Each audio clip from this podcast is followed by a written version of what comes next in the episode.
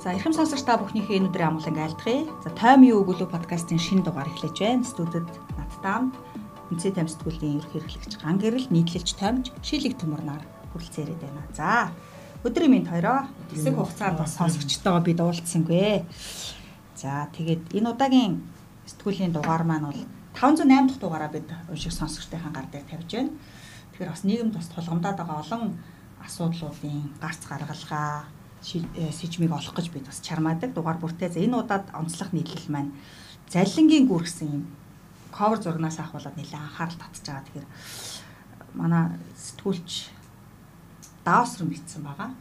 Тэгээ өнгөрсөн оны 4-р улирал гэдэг чинь одоо 2021 оны 4-р улирлын байдлаар улсын хэмжээнд 5400 гаруй заллингийн гэмт хэрэг бүртгэгдсэн байна. За эдгээр заллингийн гэмт хэргийн дийлэнх хувийг орон сууцны заллин эдэлж байгаа. Тэгээ энэ асуудлыг хүндс юм аа энэ дээр нэг юу юм бэ лээ. Яалчгүй хүндэх ёстой сэдв. Аа одоо хүний анхдагч хэрэгцээ гэж тэгэхээр ч идэж уух юм ховц сунар тэгэл орон байрны асуудал гэдэг шүү дээ. Энэ дээрээс хамгийн өндөр төлбөртэй бас хүмүүс хамгийн хэрслүүлдэг хоригдол үүсгэж эсвэл зээл авчиж одоо тэрсмэ залуу гэрүүлүүд бол тэгэл орон сууцтай болох нь л амьдралын одоо эхний зорилго болчиход байдаг шүү дээ. Гэтэл гээд өчнөө цуглуулсан, зээлсэн, барьсан одоо бүх зүйлийн ерөөсөө л нэг үйл хөдлөх хөрөнгө зурчлалын компани гэдэг юм уу, үйл хөдлөх хөрөнгө зурчлалын агент гэдэг хүн юу ч шулгаад тэрийг тэгээд залилчаад байгаа юм байл л дээ. Залилчдад бас зурчилж өгöd байгаа. Тийм. Тэгээд тэр агент гэдэг хүмүүс нь за зарим нь санаатай бах, зарим нь бол самсаргүйгээр цаад зарлагчтай зурчилдаг зарим нь бүр тодорхой хувь авдагч байт юм уу тийм асуудал хүртэл яригддаг юм байна. Эргээд нөгөө хариуцлага тооцох юм ч юм алддаг. Байхгүй. Тэгээд нөгөө компани дээр нь очихлоор ажилтны ажиллаас нь халчихсан гэдэг тайлбар өгдөг. Тэгээд 100 200 сая төгрөг одоо хүчнөө цуглуулсан мөнгө хүнд өгчөөд энэ тэгээд зөвхөн нөгөө нэг юу биш За ингээд мөнгө алдах нь бол эхний зовлон болчихлоо юм да. Дараа нь тэгээд орох оронгүй болно. Өмнө амьдарч исэн байр саваа зарддаг ч байд юм уу. Тэгээд гэр бүл салах. За маргаанаас болоо тий. Амиа орлох ч байд юм уу. Бүр ингээд айгүй хүнд нөхцөл рүү ячдаг. Уг нь ингээд бид нар үйл хөдлөх хөрөнгө зурцлах гэдэг зүйл бол байх ёстой. Өөрөө зар тавиад гүгээд байхгүй адаглал ингээд барчилж өгөх тий. Тодорхой хувийн шимтгэл төлөөд байр заргаж байгаа, зарцдаг авах гэж байгаа тэгээд хүн өмнөөс нь яваад ингээд шимтгэлийн төлөөд ингээд бүх асуудлыг зохицуулах энэ нь бол байх ёстой зүйл. Гэтэл хууль эрх зүйн орчин нь өөрөө нарийн сайн биш. Тийм учраас энэ нь яг тэр зарилны хийдэг хүмүүст ингээд үл хөдлөх хөрөнгө зуучлалт гэдэг нь тийм боломж болж харагдаад байгаа юм шиг санагдсан. Тэгээ маш олон хүн энэ дээр бас манай сэтгүүлч хохирогчтой уулзаад сэтгэлийн одоо сонссон байлаа. А зөвхөн худалдан худалдаа авахаас гадна одоо нөө түрээсийн гэдэг юм уу те? Тэр журмаар хүртэл хүмүүсийг зарц одоо нэг хүн жишээ энд ярьсан байлээ л те. Нэг агент гэдэг хүн за байраа чи ингээд боломжийн үнээр түрээслээд өгөө гэдэг сэтгэлээр нь тэр үндэ итгээд бүх бичиг баримтаа өгөөд ингээд түрээсийн гэрээ байгуулад өгцөн. Гэтэл түрээсээ хугацаанд дуусаа очих гэсэн чинь тэр байрыг давхар амар олон хүн түрээсэлцэн эхнээсээ хүмүүс байранда ормоор байна гэдэг эхэлж орсон айл нь гармааргүй байна гэдэг хүчнөө олон бараг жил сараар төлбөрөө төлсөн. Тэгээ нэлх хөхтөө одоо тийм үнэс чинь хөөгөөд гаргаж чаддгүй. Дээрээс нь өөрөө баахан үний өрөнд орцсон ч гэдэг юм уу тийм. Тэгээд айгүй худалдан борлуулахаас гадна төрөөс дээр ч гэсэн асуудал үүсэ тий. Санхүүгийн зохицуулахаар бас энэ дээр юу авсан байсан тэрийг олигтой хяналт бол тавьж чаддгүй юм шиг санагдсан. Тэгэхэд энд бол айгүй үнийн дүнгээ сагвын зохицуулахараас гарсан үнийн дүнг харж байхад бол айгүй хүмүүг эргэлддэг байгаа байхгүй тий. Энэ 131.3 тэрбум төгрөгийн үн бүхий үйл хөдлөх хөрөнгө зуршлуулж арилцсан гэж өнгөрсөн онд зөвхөн нэг жилийн нэг жилийн дотор тий. Тэгэхээр ясар хэмжээний мөнгө эргэлдэж байгаа шүү дээ. Энэ компаниуд энэ үйл хөдлөх салбарын хуулийн зохицуулалтаа олсноор уг нь 167 аж ахуйн нэгж тусгай зөвшөөрлөлтөг үйл ажиллагаа эрхэлж байгаа юм байна. Гэхдээ энэ зах зээлд борлуулагдж байгаа үйл хөдлөх хөрөнгийн борлуулагдж байгаа нь ерөөсө зах зээлийн 20%-ийг л тусгай зөвшөөрлөж уурчлаг компани эзэлж байгаа. Бос нь бол бас асуудалтай. Тий. Тэгээд хувь хүн хоорондын тийм зарилангаас гадна энэ сая ярьж байгаа 167 аж ахуй нэгж нь өөрөө тэгээд зарилангийн гүүр болчиход байгаа байхгүй. Бид нар бол зарлагч гэж бичээгүй шүү дээ. Гүүр гэж бичсэн. Яагаад гүүр гэхлээр эднийх одоо жишээ нь за нэг хөдлөх хөрөнгө зурчлалын компани нэг ажил зөндөө ажилтан байгаа. Тэгээд гэрээчүүд юм яадаг ажилтаа авчдаг. Нөгөө хүн нь цаана байгаа залилан хийж байгаа хүнийг одоо зайл хохирогчтой холбоодогчдөг. Тэгэхээр иргэн хохирогч болохоор тэр цаад компани гэхээсээ илүү тэр үйл хөдлөх хөрөнгө зуучийн тусгай зөвшөөрөл авсан компанид итгээд бүх юм ингээ шилжүүлээ явцдаг. Тэгээ хамгийн сүүл эцэст нь одлоо нэг залилуулснаа мэдчихэд нөгөө компани руу очихлоор өө тийм юм болсон компани хариуцлах хүлээхгүйгээд нөгөө агент гэдэг хүннээ ажлаас алсан үгүй юм уу тэр хүнийх нь хэрэг үүсээ явчихдаг. Тэгээд дунд нь одоо маш олон хүн маш олон тэрбум төгрөгөөр хохирж байгаа. Тэр ганц нэг жишээ гэхэд ч нэг зарлагчлагч баг 10-аад тэрбум төгрөгийн хохирлттой тийм хэрэг мэрэг бол зөндөө байна. Тий. Тэр чинь бүр тоскын хэрэг барьж заллаа нөхөр өгдөө шүү дээ. За за дараагийн сэдвт орох оруулаа. Нийтлэлч дамжин маань энэ удаа сэтгүүлд хуучин хулгайч хуйлгүй гэсэн сэдв онцлсан байна. Тэгэхээр би дамжин нийтлэг хараад ерөөсө манайхан холигтуулж хандгүй ардсан юм байна л гэж үндэстэй улс төрчдөд Хөгжлийн банкны мөнгө шавжигдуулсан хэл арга хэлбэр бол биднэрт ерөөсөл байдаг л үзэгдэл шүү дээ. Олон удаа давтагдж байгаа. Гинтл одоо хөгжлийн банкны дуулаанаар л бид пупа гэдэг болохоос ш жидүүдээр бидний имэл юу амсан урд нь хичнээн олон удаа банк тампууруулсан хэрэг байгаа. Энийг одоо бид сонгуул өгөх болгондоо тэрийг л санаж явах хэрэгтэй. Иргэн санаж явах. Иргэн санаж явах. Тэгэхээр нөө загсны ой санамжтай ард түмч яхав тэгэл. Нэг шуугаал мартаал тий. Тэгэл тэр хүмүүст ямар хариуцлага тооцсон яасан ийсэн гэдэг нь бол тэр зөв нэг гоё өгүүлбэрсэн ш. Тэр нэг ерөөсөө шинэ асуудал биш. Нэг ухсан өхөндөл тал талаас нь очиод очиод идэг. Хэрвээ даймаас ингэсэн байлээ л дээ. Өнгөрсөн онд өнгөрсөн дөрнсөн шүү дээ. 2 жил 3 жил юм. Жидүүчтэй хийсэн тэмцлийг хэрэг чинээнд нь тулгасан бол өнөөдрийн хөгжлийн банкны хэрэг явдал ингэлээ газар авч хүндрэхгүй ч байсан байж мэднэ. Дрэгом томхаа юм аа. За дараагийн сэдв манай шилэг өөрөө бичсэн те. Цэц бус усыг хурал өөрөө буруутай гэх. Цэцийн цэгцрэх цаг болоогүй юу? Цэцтэр яг усын хурлаас баталсан хууль тогтоомжууд үндсэн хуультай зөрчилдөх, бусад хуультай зөрчилдөх бол иргэд ингээд гонлогоор ханддаг шүү дээ.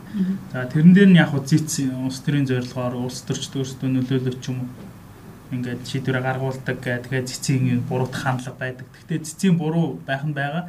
Гэхдээ угтаа бол улсын хурл одоо сонгуулийн тогтолцоо ч юм уу одоо ингээд баталж байгаа хуулиар яг ямар нэгэн салаа утгагүй дараа нь хэрүүл маргаа үүсгэргүй баталчих юм бол одоо зэцтээр тэгээ заавал очиод маргаа үүсгээд нийгмийн талцуулаад авах шаардлагагүй байдаг гэсэн агуулга байгаа. Хоёрдугаарт нь э, үндсэн хуулийн цэцгийн дарга Чинбат гэж хүн 2017 онд цэцгийн гишүүнээр томилогдсон хоёр дахь удаа.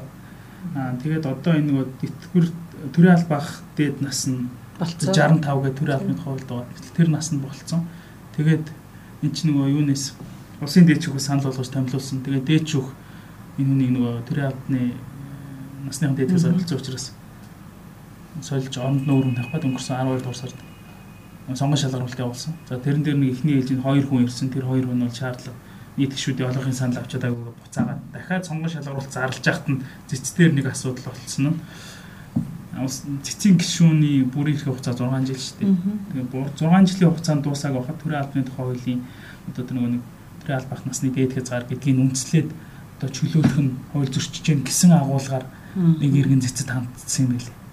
Аа тэгээд зэц тэрийг маргаа үсгцэн байгаа хөөхгүй одоо хүлээж аваад нэг цэцгийн гişүн.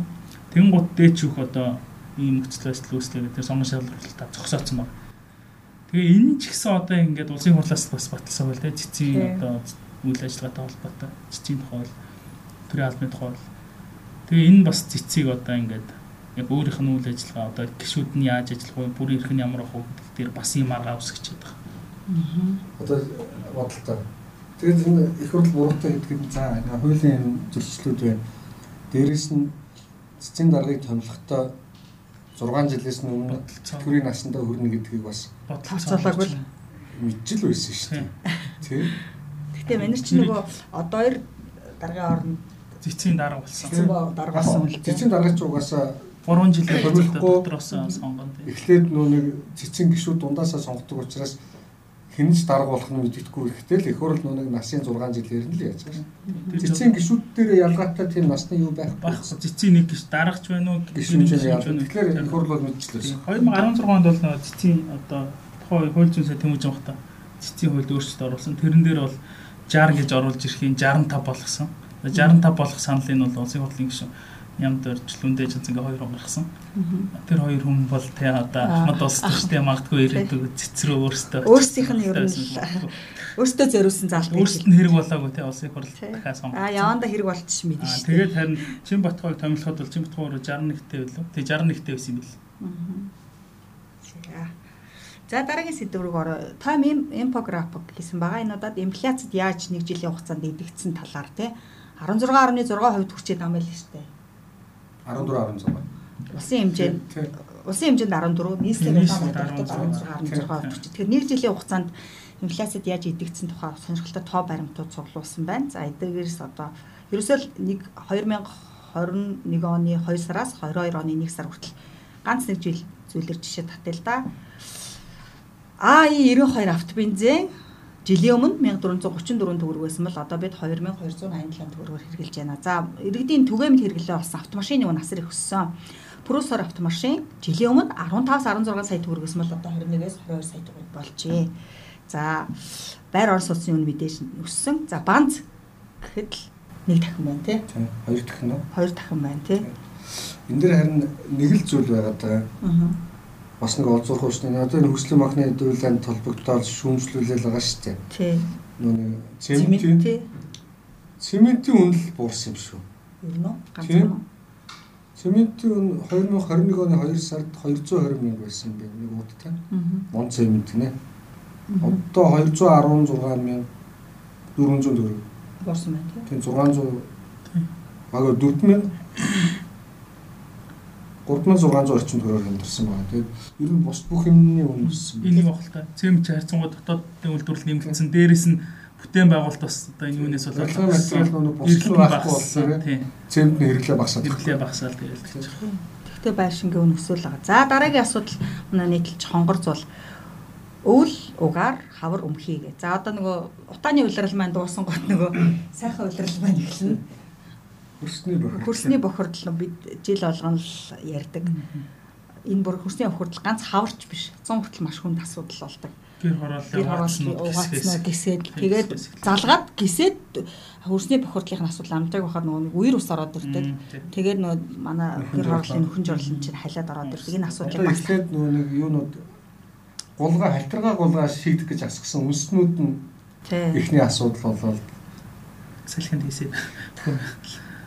За ингээл э, бид ярьдаг л асуудал те 400 мянган гэр хороол 400 мянган айл өрх амьдрт 94% нь хүн жорлонд амьдарч байгаа. Ганц нийс лотын асуудал биш л дээ энэ. Суурин төвлөрсөн ерөнхий суурин газруудад манайх одоо нөгөө хожим хотжсны балгаар гэх юм уу.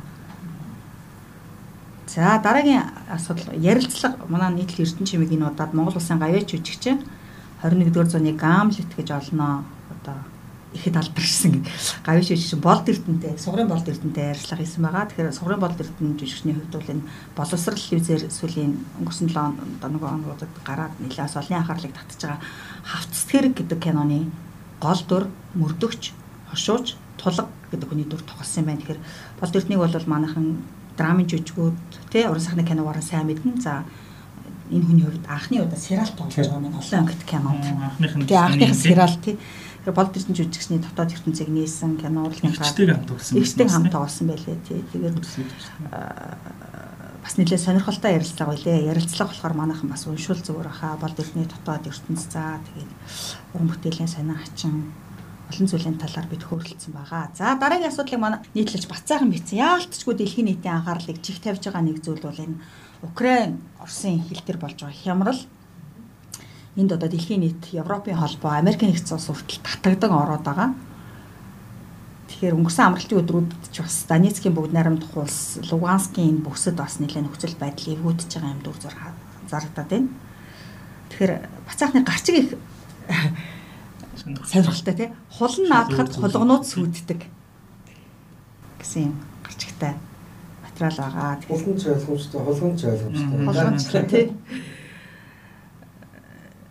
Донецк Луганскийг алдсанараа Украин юугаар хохирох вэ гэдэг нь бас хамгийн анхаарал татчихсан. За газар нутаг хүн амын тоо бол угаасаа хохирно те. Хамгийн гол нь эдийн засгийн хувьд маш том алдагдал хүлээнэ. Зөөл толгойд үеэс алдарсан ашигт малтамлын арвин их нөөц ерөөсө Донецкийн сав газарт бай Донбасс гэж товчилдаг. Тэгээ Донбассын нүүрс гэдэг нь те. Бүлэг урдууд бол Монголынхаар бол оюутлага 5 толгойтой л тэнцэхэр тийм зүйл те. За энэ мужид байгаа 149 46 уурхаа байгаа гэж дээ. Эний 118-ыг нь Украин улсын үед огт ашиглаагүй Гэх бөгөөд хэрвээ Донецк тусгаар тогтнолоо зарлавал Киев нүүрсний бүх нөөц алдна гэж байгаа байхгүй Украин. Тэгэхээр стратегийн хувьд бол ямар ач холбогдол нөгөө талаар Оросуудын хувьд бол хэрвээ авчихвал ямар ашигтай. ашигтай гэдэг нь ойлгомжтой. Дотоос нь одоо өдөөж жагсаал цуглаанаар өдөөж байгаад авах сонирхол бол би нөгөө талаас нь өгөхгүй байх сонирхол би энэ дээр улс төрийн тоглолт хийж байгаа барууны орнууд Европын холбоо НАТО цаашлаад Америк нэгдсэн улсын ерөнхийлөгч Жо Байдны нөлөө асар их бий. За. За дараагийн сэдвийг би өөрөө бичсэн болзооны ангууч гэдэг. Цар тахлын жилүүдэд нөгөө ерөнхийдөө гар утасны хэрэглээ нэмэгдснээс ахуулаад бид нар нөгөө хүн хүнтэйгээ нүүр тулж харьцахаас илүү болзоогоор болзооны аппликейшнуд төрөл бүрийн аппликейшнуудаар дамжиж танилцъя болон гэдэг дээр өнөө сонин дээр танилцъя болон гэж гардаг байсан шүү дээ. Одоо гар утасны аппликейшнаар дамжиж юм харилцаа бол нэлээд өргөжсөн өргөжж байгаа юм байна л да. Тэг үүнийг дагаад яаж зүгээр ах вэ? Тий Өрөн бүхэлдэл өрөн дугаар. Өрөн дугаар болж байгаа. Тэгээ энэ их сонирхолтой залуу энэ Netflix дээр яг сая Валентины өдрөөр гараад нэлээд анхаарал татсан. Тэгээ амьдралаар нь сая бүр кино хийсэн. Тэгээ энэ нөхөр яасан гэхээр Саймон Ливев гэдэг Оросын одоо Орос гаралтай Израилийн тэр бомтон алмазны уурхаан эзний хүү гэж өөрийгөө танилцуулдаг боловч ясам дээрээ зүгээр л нэг жирийн нэг залуу Израиль төрсөн өмнө шал өөр нэртэй тийм дүр төрх Instagram-д ингээд Gucci, Dolce Gabbana, тэ Louis Vuitton метаны хувц хувц өмсөд ингээд зураг захвалаад ингээд октод дурлцдаг.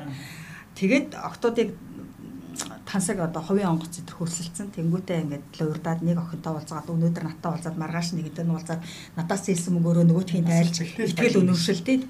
Нийтдээ 10 сая доллар л урьдсан байгаа хүүхнүүдээс.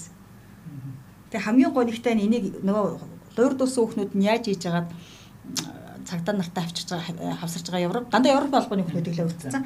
Тэгээ Европын холбооноос баривчлаад Израилийн талд хүлээгээд өгсөн чи Израильда тийм гимтэр үлдээг учраас Израиль зөвхөн хуурамч бичиг баримт гэдэг үндслэлээр 15 сар хорих оносон. Тэнгүүд ковидын журмаар цар тахлын үеэр шоронгийн хоригдлуудын тоог багасгасан шүү дээ. Тэр хөтөлбөрт хамрагдаа 5 сар суугаас гарцсан. Тэгээ Израильд л байгаа даа. Хэрвээ Европын холбооны хилд авбал нөө 10 сая доллараар холигдуулсан хүүхнүүд барих гээд идэг ийм одоо цоглол өөрч юм байна. Тэг өөр болохоор агуугаа тайлбар өгсөн мөлий. Би тэднэрт одоо дэлхийг үзүүлсэн.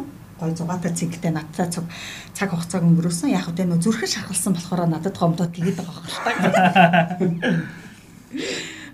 Гэх жишээтэй айхтар зүйлүүд байна. За өчтөр Бэж 2022 өвлийн олимп өндөрлөлөө. Манай Бацаахийн өвлийн олимпийн спортын бус таймыг бас энд батсан байна дуйлын шугантай л ийсэн л да. Эхлэхээс ахуулаад тий яг дунд нь бол одоо тэр Камила Влаяатай холбоотой допингийн дуйлаа бас Украины тамирчид чинь допингоор энэ олимпиад бас тэргүүлчлээ. Спортын улалт амжилтууд. За цагаагаар маш хүйтэн байсан тий цааны тэмцээнүүд хоошлоо жинчгүүгийн даваа шуурснаас болоод бамбар унтарсан. Бамбар унтарсан. За тэгээд нөө нэг цасгүйгээс болоод хиймэл цас оруулаад тэрнээс болоод тамирчид бэртэж хэмцсэн хоол муу байсан гэл. Бижигийн олимпиад бас жоохон юмнууд байгаа. Тэрнээс гадна Бацаахны гол онцлог юмнууд бол ерөнхийдөө улс төрийн нөхцөл байдалтай. Эхлээл хийсэн боосон. Дипломат бойкот хийсэн, барууны орныхаа албан ёсны төлөөлөгчдөд оролцуулаагүй. За тэгээд Олимпийн наадмыг хятадууд ерөөсөө үзэл суртал болгож хувиргасан тий уугар гаралтай тамирчнаар Олимпийн бамбараа асаалгасан ч байдаг юм уу. За дарамт шахалт үзүүлсэн гэдэг зүйл бас яригдчихэж байгаа юм байна. Энэ дээр одоо нэг Камила Валаевагийн хэрэг явдал байна. Үг хэлэх үзэл бодлоо илэрхийлэх боломжийг бас хаасан гэж үзэж байгаа маань тамирчдыг хятадыг одоо муулахыг эрс хориглож хатуу хариуцлагаар дарамтлсан. Ерөөсөө тэр өнгөрсөн 7 хоног насны мэдээ харж байхад олимп эхлээд нэг 10 хоногийн хугацаанд 14 хоногийн олимп боллоо гэж бодоход 10 хоногийн хугацаанд нь хятадын нөгөө дотоодын сүлжээ байдаг вейбо болоо тэ тэр сүлжээн дээрээс олимпийг эсэргүүцсэн 71 мянган сэтгэл сэтгэл устгагдаж байна гэсэн. Тэгэхээр нэлээ. За бас тагд чагнасан хэрэг явуулж байсан юм байна тамирчдыг. Гэх мэтчлэн за Бээжинд өрнсөн манай энэ саяны өвлийн олимп маань аа цар тахлын амаргүй үед зохион байгуулсан сайн зохион байгуулалттай байж чадсан халдвар хамгааллын дэглэмээ сахиулж чадсан ч гэсэн дутагдaltaй спорт сонирхогчдын сэтгэлийг гонсголоос гонсоолгосон үйл явдал их олон болжээ гэдгийг дүрцжээ. Спортын бус тайм. Спортын бус тайм байсан юм шүү. За ингээд үнсэн тайм сэтгүүлийн 508 дахь дугаард багтсан онцлог нийтлэл ярилцлагануудаас таймлж та бүхэндээ хүргэх гэдэг юм байна. За ирэх даваа гарагт дахин уулзлаа. Түр баяртай. Баярлалаа.